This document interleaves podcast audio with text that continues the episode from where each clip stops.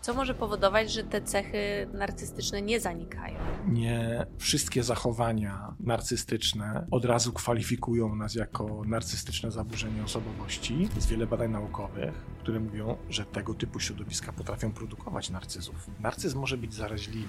Jeśli teraz mamy dziecko, które obserwuje, że jedną ze skutecznych strategii zachowań, przykład matki wobec ojca albo ojca wobec matki, jest zachowanie narcystyczne i to odnosi skutek, no to dziecko się uczy, że to jest świetna strategia, bo taki związek nie ma szans na przetrwanie.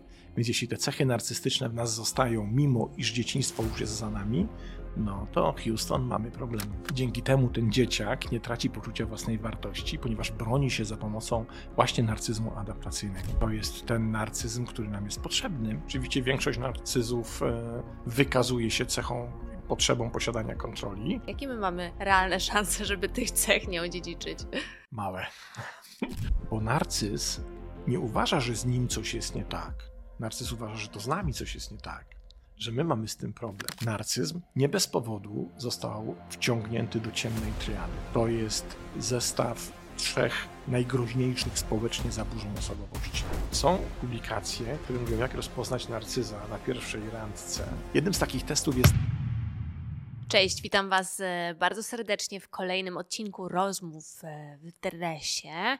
E, wiem, że będę trochę nudna, ale jeżeli ten lub inny odcinek Wam się podobał, bardzo Was proszę, dajcie łapkę w górę, subskrybujcie mój kanał, jeżeli oglądacie mnie na YouTubie, jeżeli słuchacie, oglądacie nas na Spotify'u, to będę bardzo wdzięczna za wystawienie oceny. A dzisiaj będziemy rozmawiać o temacie, który w ostatnim czasie zrobił się bardzo popularny, e, a mianowicie o osobowości narcystycznej. I mam nadzieję, że ta rozmowa dużo naszych wątpliwości rozwieje. Zapraszam. Jarosław, bardzo mi miło Cię tutaj gościć. Cześć. E, temat, mam wrażenie, że w ostatnim czasie e, bardzo popularny. Mhm. Nabrał tempa, szczególnie chyba za sprawą social mediów, takie mhm. mam e, wrażenie, a mianowicie temat osobowości narcystycznej. E, przejrzałam, przeczytałam tą książkę e, i byłam zszokowana, i to jest moje pierwsze pytanie do ciebie, jak dużo różnych rodzajów narcyzów możemy wyróżnić. I ja jestem przekonana, że nie będziemy w stanie tutaj e, poruszyć wszystkich, mhm. pewnie byśmy potrzebowali z trzy godziny na tą rozmowę. Ale jakbyś mógł powiedzieć o takich najważniejszych albo naj, najczęściej spotykanych?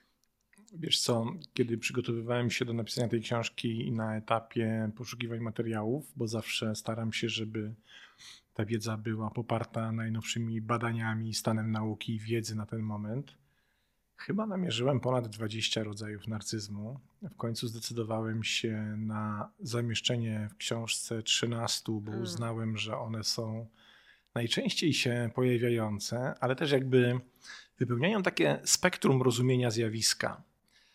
Bo, I to był też powód, dla którego napisałem tę książkę. Między innymi to, by pokazać, jak to szerokie zjawisko jest, i jednocześnie, by pokazać, jak bardzo często oferujemy wyroki, mało o tym wiedząc bo tak jak mówisz, to stało się bardzo popularne.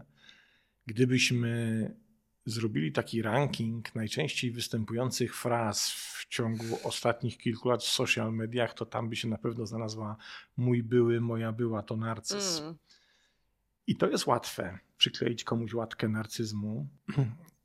Natomiast zanim to zrobimy i co do tego przestrzegam w książce, spróbujmy się trochę więcej dowiedzieć, na czym rzecz polega, skąd się bierze i jakie są rodzaje. I odpowiadając na Twoje pytanie, tych rodzajów rzeczywiście jest sporo. Są oczywiście takie, które są najbardziej popularne. Jednym z nich jest narcyzm, który najczęściej pojawia się pod nazwą narcyzmu wspaniałego lub też wielkościowego. No to jest taka osobowość, właściwie zespół cech osobowości, który widać. Nie? No widać, że ktoś jest skoncentrowany na sobie, ktoś jest egocentryczny, ktoś, kto głównie interesuje się rozmową, jeśli ta rozmowa dotyczy jego osoby, a szczególnie pozytywnych jego cech, i traci zainteresowanie rozmową, kiedy ta rozmowa z, zaczyna schodzić na inne tematy. Więc z takim narcyzmem najczęściej mamy do czynienia, ale nie dlatego, że takich narcyzów jest najwięcej tylko go najłatwiej widać, najłatwiej mm. go dostrzec i najłatwiej go zdiagnozować. Ja proponuję, by przyjrzeć się też pozostałym, bo mamy takie narcyzmy, jak na przykład narcyzm ukryty, który wydaje mi się dużo bardziej groźniejszy, dużo bardziej groźny od tego narcyzmu wspaniałego. Bo to jest tak, że o ile po narcyzie wspaniałym widać mniej więcej, czego się możemy po nim spodziewać, o tyle po narcyzmie ukrytym nie widzimy tego, bo tam jest knute wewnątrz. I tam po prostu narcyz ukryty sobie siedzi i potrafi knuć przez lata i obmyślać swoje strategie, szczególnie zemsty, bo on się najczęściej ujawnia wtedy, kiedy ktoś czuje się skrzywdzony, niedowartościowany, niedoceniony i wtedy ten narcyz ukryty nie pozwala mu przejść nad tym do porządku dziennego, w związku z czym będzie robił wszystko, by się nad nami zemścić. Jest też narcyzm adaptacyjny i to też tego bardzo często nie mamy świadomości. To jest ten narcyzm, który nam jest potrzebny i który towarzyszy nam w momentach naszego rozwoju, szczególnie w młodym wieku, i ten rodzaj narcyzmu pozwala nam się zaadaptować do warunków i przetrwać, więc on mhm. działa trochę jak mechanizm z jednej strony samoobronny, a z drugiej strony taka strategia radzenia sobie z rzeczywistością. Jeśli pozwolisz, skorzystam z tego samego przykładu, który jest w książce i o którym w kontekście narcyzmu adaptacyjnego, mhm. częst, adaptacyjnego często mówię. To jest taka sytuacja, kiedy wyobrazimy sobie dziecko, chłopaka ośmioletniego, który na szkolnym boisku nie zostaje wybrany do drużyny piłkarskiej swojej klasy i czuje się odrzucony, no to wtedy ten narcyzm adaptacyjny, jeśli się w nim pojawia, to pozwala mu przetrwać, bo to jest narcyzm, za którym idzie koncept, co oni o mnie wiedzą, nie poznali się na mnie, to głupki są, ja sobie dam radę. I dzięki temu ten dzieciak nie traci poczucia własnej wartości, ponieważ broni się za pomocą właśnie narcyzmu adaptacyjnego. Mm. Gdyby go nie miał, no to odrzucenie od drużyny futbolowej dla takiego dziecka może być poważnym ciosem w poczucie własnej wartości. A zatem istnieją takie rodzaje narcyzmu, które na różnych etapach naszego życia są nam po coś potrzebne. I wracając do tego, co powiedziałem na początku, stąd też tak ważne jest, byśmy nie do końca mając pojęcie o narcyzmie, szafowali tym narcyzem na lewo i prawo. Ponieważ nie wszystkie zachowania narcystyczne od razu kwalifikują nas jako narcystyczne zaburzenie osobowości. Są też takie zachowania narcystyczne, które jeszcze nie czynią z nas narcyzów, a na przykład pozwalają nam ochronić poczucie własnej wartości. I drugi przykład, bo widzę, że się zainteresowałaś to niezwykłe badania, które wykonały dwie psycholożki, e, nie pamiętam chyba z Australii, mhm. w jaki sposób ten poziom cech narcystycznych potrafi przetrwać tak dużą traumę życiową i tak negatywne doświadczenie jak nowotwór. I okres leczenia nowotworu, szczególnie jeśli chodzi o chemioterapię. Zwróć uwagę, co się dzieje w chemioterapii przy nowotworach. Nasze ciało się zmienia, prawda? Utrata włosów to jest najlżejszy kaliber tej zmiany, bo zaczynamy zupełnie inaczej wyglądać. Więc te dwie badaczki zauważyły, że na przykład te kobiety, które miały podniesiony poziom cech narcystycznych, dużo łatwiej radziły sobie z tą sytuacją, ponieważ w dużo mniejszym stopniu pozwalały sobie na to, by ten ich wewnętrzny krytyk deprecjonował ich zmianę wyglądu, ponieważ mówiły sobie, że niezależnie od tego, jak wyglądam, jak jestem wartościowa, jestem dużo bardziej wartościowa niż to widać, i to pozwalało im przetrwać, zamiast się załamywać. Więc są takie momenty, w których ten narcyzm wcale nie jest taki zły. On się staje zły, kiedy zaczynamy krzywdzić innych ludzi. I wtedy jest bezsprzecznie, bezsprzecznie destruktywny, nie tylko dla nosiciela tego wirusa narcyzmu, ale też dla całego otoczenia.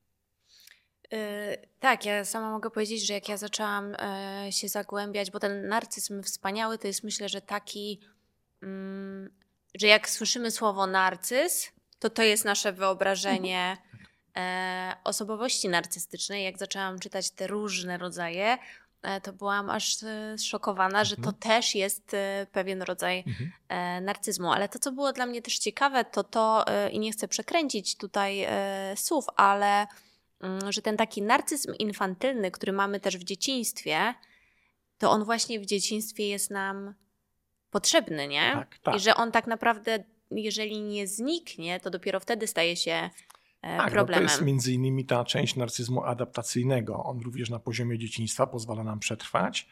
I problem, i tutaj masz absolutną rację, pojawia się wtedy, kiedy mimo to, że tego dzieciństwa już nie ma i stajemy się dorosłymi ludźmi, ten nasz infantylno-adaptacyjny narcyzm wciąż nas, nam towarzyszy. No I teraz wyobraź sobie sytuację, w której mamy sobie związek dwojga ludzi, partnerów. Mówimy o związku romantycznym. Jak ten związek może wyglądać, kiedy na przykład w związek z dorosłą kobietą wchodzi mężczyzna, który tak naprawdę zachowuje się jak siedmiolatek. Albo odwrotnie, kiedy w związek z dorosłym mężczyzną wchodzi kobieta, która zachowuje się jak siedmiolatka, bo to działa w obydwie strony. Mhm. Taki związek nie ma szans na przetrwanie. Więc jeśli te cechy narcystyczne w nas zostają, mimo iż dzieciństwo już jest za nami, no to Houston mamy problem. Co może to powodować? W sensie, co może powodować, że te cechy narcystyczne nie zanikają? Wiesz co, źródeł narcyzmu jest dość wiele i dzisiejsza nauka nie jest w stanie wskazać jednego źródła. Na pewno uważa się za bardzo poważne źródło i bardzo poważnie bierze się pod naukową lupę dom rodzinny. I to w jaki sposób zostaliśmy wychowani, i to w jaki sposób socjalizowano nas kontekście tego regulaminu społecznego, czyli jak mamy funkcjonować w społeczeństwie. Najprostszy przykład z brzegu, który też bardzo często pojawia się nie tylko w podręcznikach, ale również w badaniach. Wyobraźmy sobie kogoś, kto przez rodziców jest wychowywany w taki sposób, że jako dziecko jest ceniony za wszystko, co zrobi. Niezależnie od tego, czy to jest ok, czy nie jest ok. Więc mamy sobie kogoś, komu rodzice kupują skrzypce, i ten ktoś rzępoli na tych skrzypcach i niezależnie od tego, jaki jest poziom tego rzępolenia, to za każdym razem słyszy, że jest genialnym skrzypkiem, że mamy oto małego Paganiniego w domu. No i ten ktoś rośnie z tym przekonaniem, że jest genialny i przychodzi dorosłość i nagle się okazuje, że rzeczywistość bardzo mocno negatywnie weryfikuje to przekonanie. Tyle, że przekonanie zostaje. Mhm. I taki ktoś nie będzie skłonny do poddania się tej weryfikacji i skłonny do zrozumienia, że rzeczywiście może skrzypce to nie jest najlepszy wybór na jego życiową aktywność, ale on zostaje z przekonaniem, że wszyscy inni się mylą, bo przecież on jest genialnym skrzypkiem.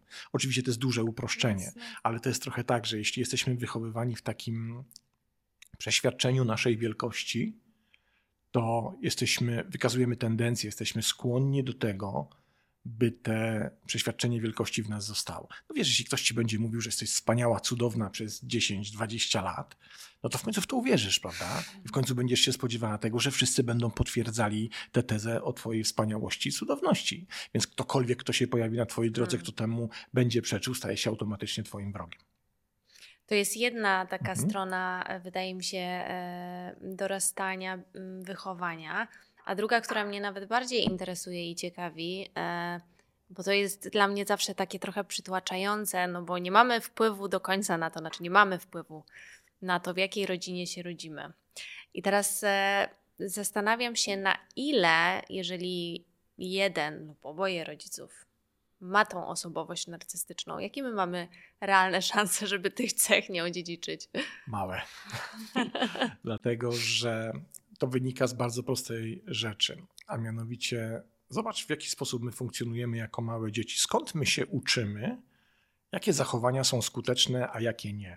Lub jak się zachować w jakiej sytuacji, jaką strategię zachowań przyjąć, żeby rozwiązać dany problem, pozbawić się kłopotu, czy w ogóle wykaraskać się z czegoś, co nam doskwiera. Otóż jedyną ścieżką edukacyjną, którą posiadamy jako dzieci, jest obserwowanie dorosłych, z którymi mamy kontakt i wnioskowanie na podstawie strategii ich zachowań, Mm. które strategie są skuteczne lub które nie. Jeśli teraz mamy dziecko, które obserwuje, że jedną ze skutecznych strategii zachowań, na przykład matki wobec ojca albo ojca wobec matki, jest zachowanie narcystyczne, na przykład postawa mi się należy, bo jestem najwspanialsza czy najwspanialszy, i to odnosi skutek, no to dziecko się uczy, że to jest świetna strategia, ponieważ nie ma innych wzorców. A skoro to jest świetna strategia, to czemu jej nie wykorzystać? My Później, kiedy wyrastamy z tych domów, mamy duży problem, ponieważ, tak jak już mówiłem, rzeczywistość zazwyczaj weryfikuje i to zazwyczaj negatywnie to, do czego zostaliśmy przyzwyczajeni. Problem polega na tym, w jaki sposób my sobie radzimy z tą weryfikacją. Czy my jesteśmy gotowi i na tyle świadomi, by zaakceptować, że narcyzm niekoniecznie jest jedyną skuteczną strategią budowania interakcji społecznych i jesteśmy w stanie zweryfikować swoje zachowanie. To jest trudne, dlatego że strategia narcystyczna jest łatwa i przyjemna. Mm. I sprawia nam wiele frajdy i wiele przyjemności. Jeśli ktoś nas podziwia, to chcemy zdobywać tego podziwu jak najwięcej, jak najwięcej. No więc skoro mnie nie podziwiasz już w dorosłym związku, to nie świadczy o tym, że coś ze mną jest nie tak, tylko z tobą, bo nie widzisz tego, co jest oczywiste, tego, że zasługuje na podziw. Nie? Ale to nie jest też tak, że e, w sensie, nawet jeżeli twoi rodzice mm, e, mają osobowość narcystyczną, to nie jest tak, że ty musisz być narcyzem. Możesz na przykład, czy w ogóle można być osobą, która ma cechy narcystyczne, a nie być narcyzem na przykład. A sprecyzuj pytanie. Czy, czy, mm, czy na przykład można, nie wiem, posiadać jedną cechę, no bo jakby tych cech, o których pewnie zaraz powiemy, mhm. e, jak, jak w ogóle rozpoznać taką osobę? Już ci odpowiadam, bo już załapałem o co chodzi. Są takie nurty naukowo-badawcze dotyczące narcyzmu, zgodnie z którymi uznaje się, że my wszyscy mamy w sobie te cechy. Że to nie jest tak, że jest to zero-jedynkowa postawa. Mamy albo kogoś o cechach narcystycznych, albo kogoś, kto jest absolutnie tych cech pozbawiony. Mm. Problem dzieje się wówczas, kiedy my nie potrafimy kontrolować tych cech. Czyli problem pojawia się wtedy, kiedy te cechy narcystyczne zaczynają dominować nasze strategie interakcyjne, czyli to, w jaki sposób zachowujemy się w stosunku do innego człowieka. Zdrowy narcyzm i do tego zaraz przejdziemy, bo to jest jeden, z, jeden z, z rodzajów, to jest taki narcyzm, w którym ja jestem w pełni świadomy tego, że w odpowiednich sytuacjach życiowych będę w stanie skorzystać z określonych cech, nie robiąc nikomu krzywdy, mhm. nie sprawiając nikomu kłopotu, ale na przykład chroniąc siebie, czy robiąc też coś dla siebie. Zresztą to jest dość kontrowersyjny e, określenie ten zdrowy narcyzm, bo wielu autorów się pod nim podpisuje, że jest coś takiego jak zdrowy narcyzm, kiedy sami sobie, sami siebie obdarowujemy odpowiednią atencją. Ja bym wolał nie nazywać tego zdrowym narcyzmem i zresztą napisałem o tym w książce, że mimo występowania takiego pojęcia, ja jestem jednak sceptyczny, bo uważam, że troska o siebie, samoopieka to jest coś absolutnie naturalnego, co nam się należy, na co zasługujemy, co czym powinniśmy siebie obdarzać i niekoniecznie musimy się za to potępiać, nazywać narcyzami. To jest trochę tak jak w dowolnej podróży samolotem. W instrukcji latania samolotem zawsze jest e, taka, taki element, który mówi, jak cokolwiek się złego stanie i wyskoczą te maseczki, mhm. a jedziesz z dzieckiem, najpierw ubierz maskę sobie. Dlaczego? Ponieważ jeśli my jesteśmy sami wewnętrznie zaopiekowani, to dopiero wtedy stajemy się skutecznymi pomagierami innych.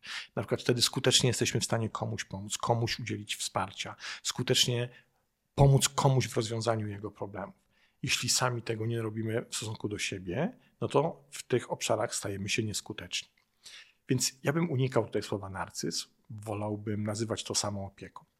Ale wracając do głównego wątku, być może rzeczywiście tak jest, że każdy z nas wykazuje jakiś zestaw cech narcystycznych, bo przecież one z nami były, chociażby w tym narcyzmie adaptacyjnym, którego doświadczyliśmy wzrastając, ale kluczem jest to, na ile potrafimy nad nimi panować i na ile potrafimy kontrolować to, by nasze cechy narcystyczne nie krzywdziły innych ludzi to pytanie było celowe, dlatego mhm. że ja czytając e, tą książkę, e, między innymi, bo tych cech, o których zaraz powiemy, e, tam było więcej, ale było, że e, osoba o, o, osobowości narcystycznej ma często potrzebę takiego poczucia kontroli. Mhm.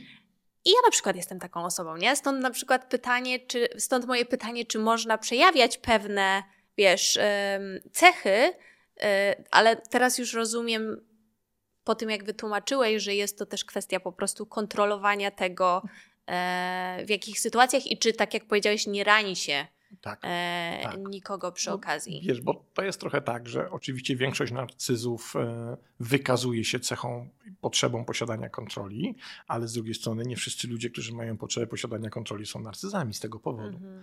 bo my potrafimy z różnych cech korzystać na różnych poziomach i gdybyśmy byli w ogóle pozbawieni kontrolowania siebie, czy swoich działań, czy swojej aktywności, no to nasze życie zamieniałoby się w chaos i koszmar. Więc jakiś element kontroli nam jest potrzebny. I tutaj znowu wracamy do, tego, do tej samej mantry.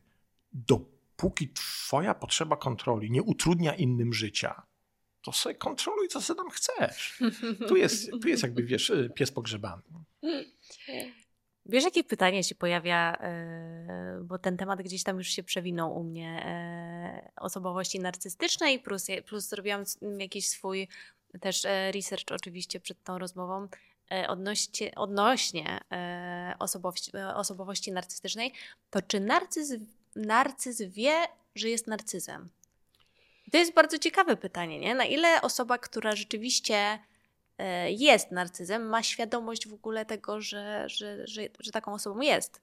Odpowiedziałbym na to pytanie w sposób następujący. Większość narcyzów, o których informacje udało mi się zebrać, oraz tych, których spotkałem na swojej drodze, ja przecież pracuję w terapiach z ludźmi, nawet nie zadawała sobie takiego pytania. Ponieważ narcyz patrzy na świat z zupełnie innej perspektywy. I to hołubienie siebie i uznawanie siebie za kogoś lepszego od innych jest dla takiej osoby na tyle naturalne, że nazywanie tego narcyzmem, czy też w ogóle zaburzeniem osobowości, brzmi jak policzek. Bo narcyz nie uważa, że z nim coś jest nie tak. Narcyz uważa, że to z nami coś jest nie tak, że my mamy z tym problem. On uważa się za kogoś większego, lepszego, który ma wyższe uprawnienia, któremu się należy więcej, ale to, co mu się należy przede wszystkim, to podziw i docenienie jego wielkości. I to jest dla niego rzecz absolutnie naturalna. Więc z jego perspektywy, jeśli powiesz mu, że jest narcyzem, to, to jest dla niego kolejne potwierdzenie jego wyższości nad tobą, ponieważ ty jego wyższość tłumaczysz narcyzmem, czego on w ogóle nie doświadcza bo dla niego ta jego wyższość jest naturalna. Więc jak można nazwać to narcyzmem? A czy myślisz, to takie mocno hipotetyczne teraz jest pytanie, e, no bo tutaj mówimy o tym, o nazwaniu kogoś tak mhm. E, narcyzem, ale a czy myślisz, że taka osoba, czytając na przykład Twoją książkę albo słuchając takiego podcastu, ma w ogóle taki przebłysk że to dotyczy jego, czy nawet przed sobą jest mu ciężko się do tego przyznać? Więc odpowiedź brzmi dwa razy tak. Ma taki przebłysk i jest mu ciężko przed sobą się do tego przyznać. Książka zresztą została napisana między innymi w ten sposób, co jest w podtytule Uważaj, czy swoim nieświadomym zachowaniem nie krzywdzisz innych. I jeśli coś takiego odkrywamy, czytając tę książkę, inną, oglądając film, czy cokolwiek innego o narcyzmie, odkrywamy to w sobie, to zawsze spróbujmy na to popatrzeć właśnie przez ten pryzmat uciążliwości dla drugiego człowieka. Jeśli od, a czasem wystarczy zapytać. Mhm. Jeśli odkryjemy tę uciążliwość, to to jest to czerwone światełko, ta czerwona lampka, która nam się powinna w głowie zapalić. I tutaj dochodzimy do jakby sedna, jak domyślam się Twojego pytania o to, czy narcyz wie, że jest narcyzem, czyli czy można zmienić narcyza mhm. w nie narcyza. I to są rzeczy powiązane ze sobą, ponieważ we wszystkich przypadkach, w których z którymi ja się już osobiście spotkałem, w których narcyzi nie tylko dokonywali zmiany, ale też jakby mieli taki priorytet, odczuwali jej potrzebę, by się zmienić, to wszystkie te przypadki dotyczyły sytuacji, w której ktoś się orientował nie tyle co do tego, że jest narcyzem, że jego zachowania czy też cechy są narcystyczne, ile wychodził od tego, że orientował się, że stanowi problem dla swojego otoczenia. Hmm że coś jest niehalo po drugiej stronie, że różnym ludziom na różnym etapie życia z nim, czy też różnym, na różnych poziomach bliskości, ta jego osobowość, jego, jego cechy charakteru, to w jaki sposób się zachowuje, są doskwierające. I to był zawsze punkt wyjścia do zmiany. Czyli mówiąc inaczej, ten człowiek przychodził na terapię i mówił: Słuchaj, zauważyłem, że w sposób, jaki się zachowuje, w którym sam nie widzę niczego zdrożnego czy też złego, stanowi problem dla mojej żony albo stanowi problem dla mojego męża. I chyba trzeba się temu bliżej przyjrzeć, bo prawdopodobnie krzywdzę kogoś, nie będąc świadomy, że to robię. Jeśli mamy taką świadomość w narcyzie, to to jest pierwszy krok do zmiany. I to jest ta jasna strona medalu, ale jest też ciemna strona medalu. Dopóki się ta świadomość nie pojawi, o zmianie nie ma mowy. Hmm. To jest w moim przekonaniu, zresztą nie tylko moim, bo to jest też głos wielu, wielu autorów piszących o narcyzmie. Jeśli ten priorytet zmiany, ta potrzeba zmiany nie wychodzi z własnego przekonania o tym, że ta zmiana jest potrzebna, to ta zmiana nie nastąpi. Ja wielokrotnie słyszałem, ale miałem też styczność z przypadkami, co jest nagminne, że to dzieje się szczególnie w związkach romantycznych, że jedno drugiego wysyła na terapię. To tak nie zadziała. Byłem wielokrotnie świadkiem sytuacji, w której narcyz zgadzał się na terapię nie dlatego, że czuł, że trzeba coś z tym zmienić, tylko żeby się od niego wszyscy wreszcie odczepili. I taki narcyz potrafi chodzić na terapię przez wiele miesięcy i psychoterapeutce czy psychoterapeucie opowiadać dokładnie to, co ona czy on chcą usłyszeć. I po tej terapii ta psychoterapeutka dzwoni do żony, no po prostu cudowne ozdrowienie. A ja potem spotykam tego narcyza dwa tygodnie później i on się nic nie zmienił. On tylko przed żoną udaje, że jest mniejszym narcyzem niż jest w rzeczywistości. Ponieważ on z tej perspektywy swojej wielkości nie dopuszcza do tego, że ktoś w ogóle może mu sugerować jakąkolwiek zmianę. I tutaj znowu, jeśli pozwolisz, użyję mojego ulubionego, ulubionej metafory, która się pojawia w tej książce, ale też we wszystkich dotyczących ciemnej triady. Narcyz to jest tak, jakbyśmy, perspektywa widzenia świata przez narcyza jest perspektywą kury, która myśli, że jest jastrzębiem wśród kur. Więc taka kura z poziomu myślenia o sobie jastrząb w ogóle nie bierze pod uwagę zdania kur. No bo kury co najwyżej się mogą z jego perspektywy nadawać na rosół, a nie do tego, żeby mówić jak żyć. Więc co mu jakaś kura będzie opowiadać, co on ma zrobić. I ciekawostką jest to, a być może nawet nie tyle ciekawostką, ile naturalną konsekwencją tego typu perspektyw jest to, że jego, w jego oczach, kiedy siedzi na psychoterapii i rozmawia z psychoterapeutką, to on dalej rozmawia z kurą, której mówi to, co kura chce usłyszeć, ponieważ z jego perspektywy kura jest głupsza od niego i nie dorasta mu do pięt. Ale czy to znaczy, e, to w ogóle nie miało być moje kolejne pytanie, ale teraz okay. mi przyszło do głowy. Czy to znaczy, że narcyz jest w stanie e, przysłowiowo, czy w cudzysłowie, e, nawet nabrać psychoterapeutę na to, że, że się zmienia no, oczywiście, wskutek tak. tej terapii? No, oczywiście, że tak. I to w większości przypadków tak się dzieje. Okay. Przecież wiesz, jeśli głównym testerem narcyzmu stosowanym obecnie w psychologii są testy, czyli siedzisz, wypełniasz test, no to nawet nie trzeba jakiegoś super błyskotliwego umysłu, czy nie wiem jak delikatnego intelektu, żeby ten test wypełnić tak, żeby nie być na narcyza. Nie?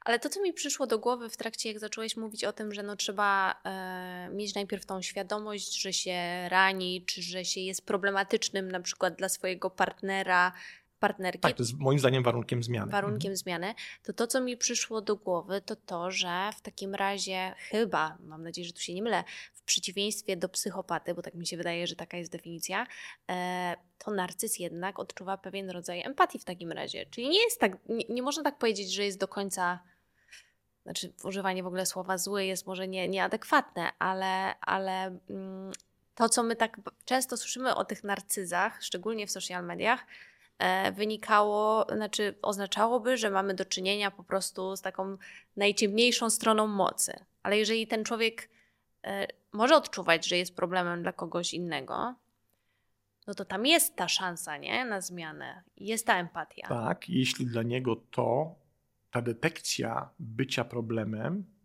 jest doskwierająca i staje się motywatorem do tego, by to zmienić rzeczywiście, w odróżnieniu od psychopaty, który w większości przypadków, co wynika z badań neuronalnych nad mózgiem psychopatów, nie odczuwa emocji lub też nie zwraca na nie uwagi, to jest chyba bardziej precyzyjna definicja. Narcyz odczuwa emocje i to jak najbardziej, przecież narcyz potrafi się obrazić, potrafi szczelić focha, mhm. potrafi wiele różnych rzeczy zrobić. Narcyz jest też w pełni świadomy emocji innych osób. Ale bycie świadomym emocji innych to nie oznacza jeszcze, że powstrzymujemy się od ich wykorzystywania na swoją korzyść. Czyli narcyz jest w stanie tak wykorzystać nasze emocje, by na tym zyskiwać. I takim fantastycznym przykładem jest jeden z rodzajów narcyzmu, czyli narcyz koteryjny. Czyli to jest ktoś, kto buduje wokół siebie taki amfiteatr zapatrzonych w niego wyznawców, którym rozdziela na różnych etapach swojej aktywności różne frukty i e, różne korzyści, po to, by ich ze sobą wiązać, ale jednocześnie cały czas kontroluje ich systemy emocjonalne i ma nad nimi pełną władzę. Wie, kiedy będą oczekiwali określonych zachowań z jego strony i jakie zachowania sprawią im przykrość, a jakie sprawią im radość. Narcyz koteryjny potrafi reglamentować radość. Czyli jeśli oddasz mi określony podziw, zaczniesz się zachowywać w taki sposób, jak ja chcę, to w nagrodę dostaniesz możliwość radości. A jeśli nie, to zostaniesz ukarana odrzuceniem, y, pozbawieniem cię możliwości dostępu i korzystania z tych wszystkich fruktów, o których wspomniałem wcześniej. A zatem narcyz ma pełną jasność i przejrzystość do tego, że kury też mają emocje, co nie zmienia faktu, że to są wciąż w jego oczach kury. Trochę przerażające. No tak. No i świetnie, że to powiedziałaś, bo widzisz, narcyzm nie bez powodu został wciągnięty do ciemnej triady. Przypomnijmy, ciemna triada, czy też mroczna triada, to jest zestaw trzech najgroźniejszych społecznie zaburzeń osobowości. Najgroźniejszych, tych, które są najbardziej destrukcyjne dla interakcji społecznych. Tam jest psychopata, tam jest manipulator i tam jest narcyz. To jest niezwykle groźna osobowość. To jak dużo y, osób o osobowości narcystycznej my na co dzień tak oglądamy na przykład telewizji z Twojego doświadczenia? E, bo tu jest e, temat też w tej książce, jeszcze kończąc moje pytanie, odnośnie tego, że takie osobowości będą i w polityce, i celebryci, i też bardzo dużo ten świat właśnie social mediów i tak zwanych influencerów spowodował, że to się też gdzieś tam bardzo mocno pojawiło. Tak. Nazwałbym to w następujący sposób są pewne środowiska, czy też pewne konteksty sytuacyjne, które są dużo bardziej atrakcyjne dla aktywności narcystycznej, o czym narcyzi wiedzą. To są wszystkie te konteksty, w których jesteśmy w centrum uwagi. Na przykład celebryta jest w centrum uwagi. To jemu się robi zdjęcie na ściankach, a nie komuś innemu. Polityk jest w centrum uwagi, prawda? nie wiem, prezes firmy, czyli ten, kto ma władzę, również jest w centrum uwagi. Wszędzie tam narcyzi się doskonale czują. Ale działa to też w dwie strony. Jest wiele badań naukowych, które mówią, że tego typu środowiska potrafią produkować narcyzów. To nie tylko tak, że je przycią ich przyciągają, ale ludzie, którzy na początku wykazują małe lub niewielkie tendencje do zachowań narcystycznych, w określonych środowiskach i w określonych sytuacjach potrafią wzmacniać te tendencje i potrafią stawać się jeszcze większymi narcyzami. I takie środowiska to na przykład polityka, to na przykład celebryctwo, to wszelkie te mm, aktywności ludzkie związane z popularnością, rozpoznawalnością, z podziwem i tak dalej. Narcyzi nie tylko tam się świetnie czują, ale też tam wzmacniają swój narcyzm. Co więcej, są bardzo ciekawe badania, które pokazują to, że narcyzm może być zaraźliwy. I to są badania, które przeprowadzono na kilkuset uczestnikach, których w kontrolowany sposób obserwowano, kiedy oglądali telewizyjne reality show z udziałem celebrytów. Zbadano tych widzów przed tym eksperymentem i zbadano je kilka tygodni po tym, jak codziennie oglądali, wiesz, tego typu reality show pod tytułem, sorry za nazwę, ale uwielbiam ją, nazywam z kamerą wśród dzbanów, nie? Czyli wiesz, mamy tam, nie wiem, Wyspę Miłości, Hotel Zazdrości, tam tego typu rzeczy, nie? No i e, ludzie sobie oglądają tego typu show i kilka czy też kilkanaście tygodni po stałym oglądaniu tego typu reality TV bada się ich poziom narcyzmu i u wszystkich wzrasta. Czyli wiesz, co się dzieje? Hmm. Oglądasz pewne zachowania, pewne wzorce zachowań i zaczyna ci się przesuwać społeczna norma. Bo jeśli codziennie jesteś wystawiona na narcystyczne ekspozycje, to jakby zmienia się ten poziom przyzwolenia, który temu dajesz. Coś, co wcześniej cię żenowało, coś, co wcześniej wydawało ci się głupie, że ja się tak przecież nigdy nie zachowam, nagle staje się nową normą.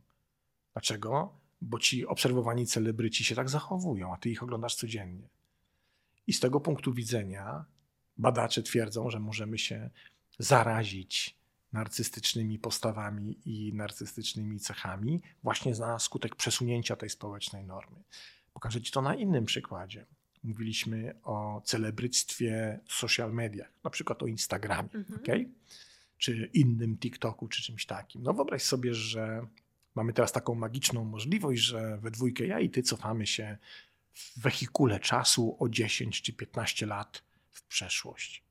I tam w tej przeszłości, 15 lat temu, obserwujemy sytuację, w której influencerka, jakaś dziewczyna robi sobie 300 zdjęć w tej samej pozie. Co byśmy pomyśleli 15 lat temu? O kurczę, coś jest nie tak, jest pod kopułą, prawda?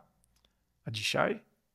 Dzisiaj ta sama influencerka robi sobie znowu 300 zdjęć z tym samym wyrazem twarzy, z tej samej perspektywy i publikuje te 300 zdjęć na swoim profilu i już nie uważamy, że jest szalona. Zmieniła się społeczna norma, prawda? Przesunęła się ta granica szaleństwa, której, którą wcześniej diagnozowaliśmy. I ta norma, która się przesuwa społecznie, ona między innymi jest odpowiedzialna za to, że ten narcyzm staje się coraz bardziej niestety powszechnym zjawiskiem. Bo narcyzm nie jest wymysłem naszych czasów. Narcyzi nie pojawili się nagle po roku 2000. Oni funkcjonowali w przestrzeni procesu rozwoju ludzkości od zarania dziejów. Jednak rozwój technologiczny, rozwój komunikatorów, rozwój tego, w jaki sposób się komunikujemy, jakie postawy promujemy lub też na jakie postawy przyzwalamy, powoduje, że ta norma się na tyle przesunęła, że pewne zachowania, które jeszcze 10-15 lat temu by nas żenowały, dzisiaj uważamy za tak naprawdę normalne. A zatem coraz więcej ludzi zachowuje się w ten sposób, bo nie widzi w tym nic zdrożnego.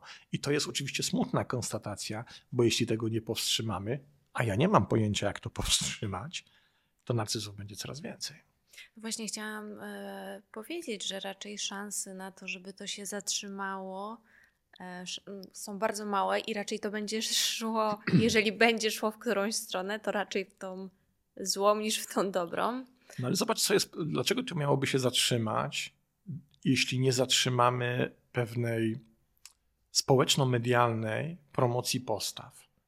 No, kim dzisiaj interesuje się telewizja? Zostawmy nazwę jakiejkolwiek stacji, bo to nie ma znaczenia.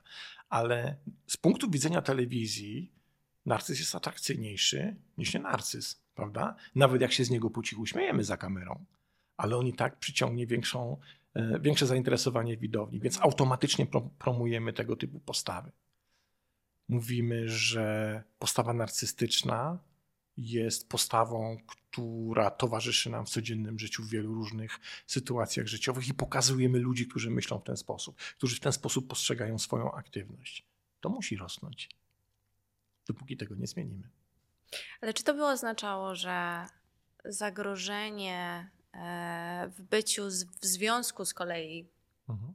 czy to małżeńskim, czy innym, z osobą e, z narcyzem, niesie takie podwójne zagrożenie, bo nie tylko e, zagrożenie, że zostanę skrzywdzony, zraniony, mhm. o którym myślę każdy już teraz wie, że będąc w takim związku może być skrzywdzony, ale to by też oznaczało, że będąc w związku z narcyzem, ty sam możesz się nim stać, dobrze rozumiem? Bo znowu przebywasz z tą osobą po prostu no, czasami tak, kilkadziesiąt lat. Czym, tak, zgadza się, ale czym innym, w nawiązaniu do tego eksperymentu z reality TV, o którym mówiłem przed chwilą, czym innym jest bierna obserwacja zachowań narcystycznych, a czym innym doświadczanie aktywności narcyza. Okay. Kiedy siedzisz przed telewizorem i śmiejesz się z tych, którzy tam występują, którzy są narcyzami, to oni ci bezpośrednio krzywdy nie robią, prawda? Mhm. Kiedy mieszkasz z narcyzem, bezpośrednio doświadczasz efektów jego aktywności. I to są dwa różne światy. Więc dużo łatwiej, przynajmniej te badania wskazują, że to zarażenie się narcyzmem dotyczy właśnie takiej biernej obserwacji i ekspozycji na postawy narcystyczne, które nam są sprzedawane w mediach społecznościowych, w mediach tradycyjnych i w tej całej narracji społecznej, a czym innym jest doświadczanie problemu z narcyzmem. Większość ludzi, którzy się orientują, że ich związek jest związkiem z narcyzem czy też z narcyską, e, nie zmieniają swojego życia w taki sposób, że również się stają narcyzami, ale to zazwyczaj są osoby, które doświadczyły dużo, dużej ilości cierpienia, mhm. dużej ilości krzywd i chcą się z tego związku jak najszybciej wyzwolić. To jakie? Bo rozmawiamy już długo, a tego nie powiedzieliśmy i znowu tutaj pewnie można by na ten temat długo rozmawiać, ale jakie są takie główne cechy, które... Można rozpoznać. Tak, dokładnie. Ja mam taki chyba najlepszy test, który się pojawia, wyobraź sobie, w takich opracowaniach dotyczących relacji z narcyzem, ale nie tyle już relacji trwającej, ile relacji inicjowanych. Mówimy tu o randkach, po prostu mówmy skróconym e, i prostym językiem. Otóż są publikacje, które mówią, jak rozpoznać narcyza na pierwszej randce, żeby potem nie było tego konceptu widziały gały, co brały, nie? żeby można było od razu się zorientować. Jednym z takich testów jest nadreprezentacja zaimka ja. Czyli kiedy umawiasz się z kimś, to słuchaj, w jaki sposób ten człowiek opowiada. O wszystkim, o czym opowiada i ile w tej opowieści razy używany jest zaimek ja i czy nie jest nadreprezentatywny bo po tym poznać narcyza i rzadko który narcyz potrafi tę cechę kontrolować. Oni się przez to zdradzają. To jest sytuacja, w, którym siedzisz, w której siedzisz sobie z drugą osobą i zwracasz uwagę, że ta osoba się ożywia tylko wtedy, kiedy pojawiają się zdania zaczynane przez nią od zaimka ja, czyli takie treści jej opowieści, które dotyczą jej bezpośrednio, i jednocześnie ta osoba traci zainteresowanie rozmową, kiedy tego zaimka ja w tej rozmowie nie ma to jest jeden z podstawowych alarmów dotyczących tego niekoniecznie diagnozowania od razu osobowości o zaburzeniach narcystycznych, ale alarmów mówiących uważaj. Uważaj, bo to nie jest dobrze, że ktoś tak często mówi o sobie i tak aktywuje się tylko wtedy, kiedy rozmowa dotyczy jego. To jest jedna z cech. No tak, i to jest taka cecha, którą rzeczywiście każdy z nas jest w stanie e, w dość łatwy sposób rozpoznać. A zastanawiam się, bo tu też była taka część tej książki, książki, którą zresztą będzie można e, dostać po tym wywiadzie, bo o tym e, nie wspomniałam, ale to jeszcze do tego wrócę. Super. no bo wyobrażam sobie, że mogą być takie sytuacje, gdzie jesteśmy, nie wiem, małżeństwem 25 lat. Mhm. Mamy już świadomość tego, choć nie musi to być małżeństwo. Może to być rodzina, więc to jeszcze trudniej.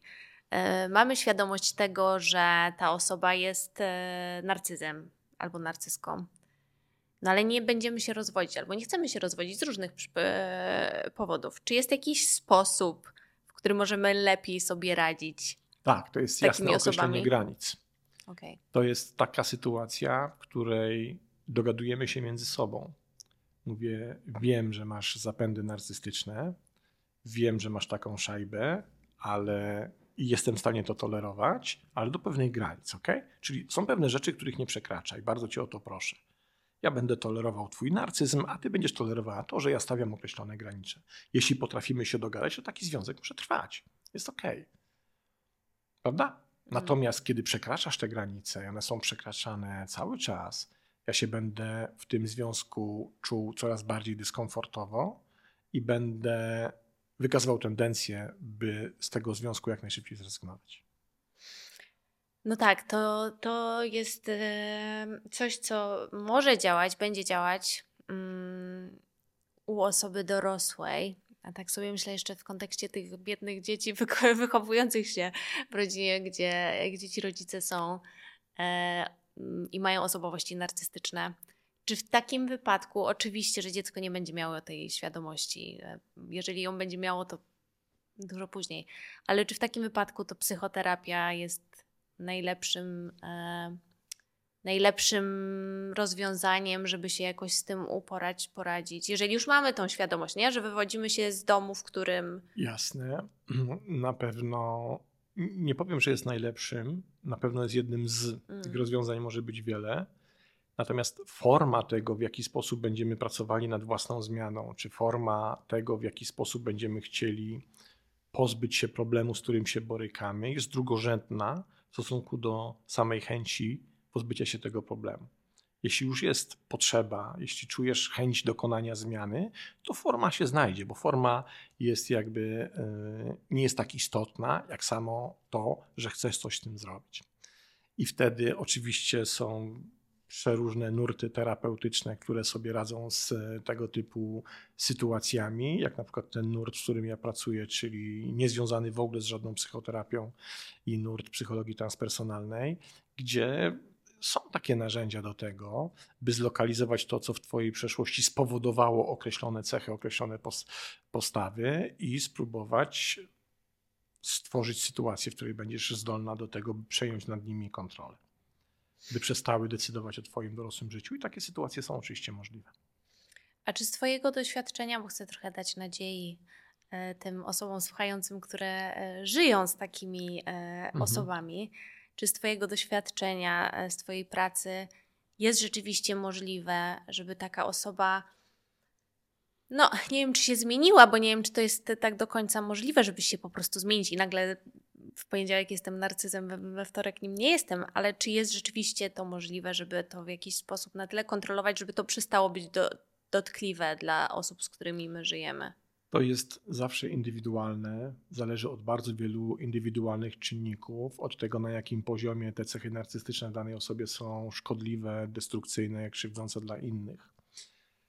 Niestety muszę rozbić mit, który czasem, czasem często pojawia się w przestrzeni internetowo-medialnej. To jest mit pod tytułem Ja go zmienię albo ja ją zmienię. To się jeszcze nie udało. Ja przynajmniej nie znam takiego przypadku. Tak jak mówiłem na początku, jedyna forma zmiany, którą ja dopuszczam jako możliwą i skuteczną, to jest bardzo ważne, to jest zmiana, której inicjatorem jest sam narcyz, odkrywając w sobie, że cechy, którymi się posługuje, są krzywdzące dla innych lub utrudniają innych życie, innym życie. Co nie znaczy, że każdy związek z narcyzem, tak jak mówiliśmy przed chwilą, koniecznie skazany jest na niepowodzenie, bo można się po prostu dogadać. Ba, są badania, które mówią, że narcyz z narcyzem też się potrafi dogadać i to całkiem nieźle i takie związki potrafią trwać latami. Natomiast niezależnie od tego, w jakim związku się znajdujemy, zawsze powinniśmy się posługiwać. Ja wiem, że to, co teraz powiem, jest, wydaje się bezduszne i odczłowieczone, ale powinniśmy się posługiwać regułą transakcyjności. W socjologii relacji uważamy, że każda relacja jest transakcyjna niezależnie od tego, czy dotyczy grupy ludzi, czy pojedynczych osób. Środkiem płatniczym tych transakcji nie zawsze i niekoniecznie, a w większości przypadków nie są pieniądze, czy też jakieś korzyści materialne. Środkami płatniczymi w, na, płatniczymi w naszych relacjach są na przykład bliskość, przyjaźń, wyrozumiałość, wsparcie, bezpieczeństwo. Bardzo wiele tych środków płatniczych mamy. Więc bierzemy sobie naszą relację na stół, jak na laboratoryjny stół, który będziemy teraz, na którym będziemy stawiać rzeczy, które chcemy przebadać. I spróbujmy sobie odpowiedzieć na pytanie, jak wyglądają transakcje wymiany na poziomie tych środków płatniczych w mojej relacji. Czy ja dając odpowiednią ilość bliskości, tyle samo jej otrzymuję? Czy ja, dając komuś odpowiednią ilość wsparcia, po drugiej stronie dostaję ekwiwalent tego wsparcia? I to jest tak naprawdę papierek lakmusowy naszej relacji. Bo całe moje doświadczenie i wiedza mówią mi, że jeśli te transakcje są zaburzone, co oznacza, że na przykład dajesz więcej niż otrzymujesz, to prędzej czy później taka relacja będzie psychicznie, mentalnie destrukcyjna. Czyli będzie wyczerpywała z ciebie, zabierała ci energię. Im więcej tej energii stracimy, tym bardziej przekonani będziemy do tego, że nie chcemy dalej w tej relacji uczestniczyć. Oczywiście możemy być związani kredytem, dziećmi, zobowiązaniami i tak i z różnych powodów nie móc natychmiast tej relacji się pozbyć, ale to nie zmienia faktu, że ta relacja zaczyna być dla nas toksyczna. I pojawia się jeszcze jeden problem. Za toksyczne relacje trzeba będzie zapłacić koszt, który się pojawia czasem na długo po ich zakończeniu. Hmm. Czyli kończy się toksyczna relacja, wydaje ci się, że jesteś wolna, wolny, już nie ma tej osoby, która ci zabierała energię i nagle siada zdrowie. Bo to jest tak, jakbyśmy działali w takim nieustannym napięciu, w tym napięciu uciekaj albo walcz, i to napięcie trzyma nas jeszcze przy w ryzach, przy życiu. To nagle to napięcie ustaje, kończy się ta relacja, organizm odpuszcza i zaczyna się sypać. I teraz się dopiero pojawiają koszty tej toksykacji, której doświadczyliśmy w danej relacji. I z tego punktu widzenia, kiedy robimy sobie tego typu bilans transakcyjności naszych relacji, warto się nad tym zastanowić, co sobie tak naprawdę robimy w naszym życiu. Ja wiem, że bardzo ciężko jest zerwać określone relacje, bo jesteśmy związani romantycznym uczuciem, tak jak mówiłem, zobowiązaniami, ale we wszystkich przypadkach, w których pracowałem z ludźmi, którzy jednak podjęli te decyzje i zerwali tego typu toksyczne relacje, nie spotkałem żadnego przypadku, w którym ktokolwiek by żałował tego kroku. Wręcz odwrotnie. Spotkałem same przypadki, w których ci ludzie po latach mówili, czemu tego wcześniej nie zrobiłam, czemu tego wcześniej nie zrobiłem.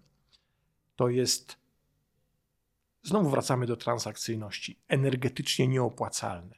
Po prostu. Szkoda naszej energii, szkoda naszego życia, ba, szkoda naszego zdrowia.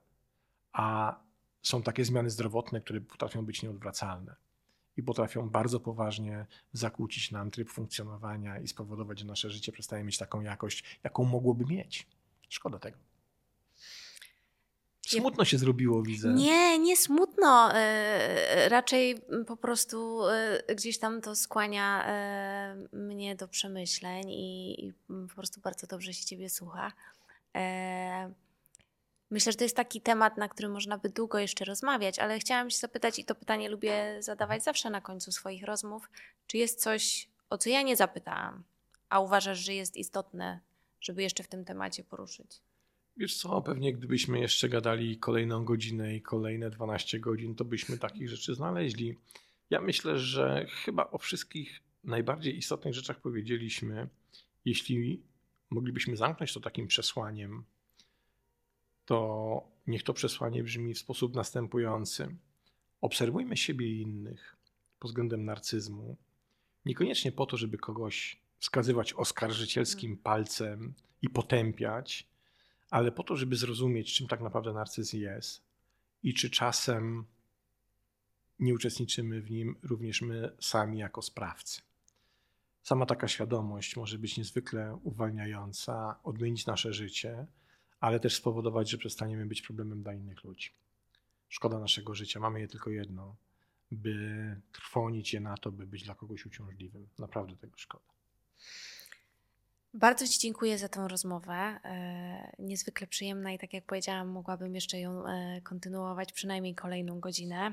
E, ja chciałam tylko na końcu powiedzieć, że jeżeli ktoś chciałby dostać jedną z książek, tutaj mam trzy, cztery właściwie książki Narcyz, to bardzo tylko proszę o napisanie komentarza na YouTubie, co w tej rozmowie dla Was było najbardziej interesujące E, i najlepiej też jakiś kontakt w postaci maila albo imienia i nazwiska. E, I, i ja z tych komentarzy wybiorę mm, cztery osoby, które te książki dostaną. Jasne. A ja wszystkich zainteresowanych, jeśli pozwolisz, e, Oczywiście. ludzkim systemem emocjonalnym i pracą z tym systemem, zapraszam do lektury moich pozostałych książek i zapraszam również na mój kanał YouTube. Również zapraszam. Dziękuję bardzo. Super. Dzięki wielkie.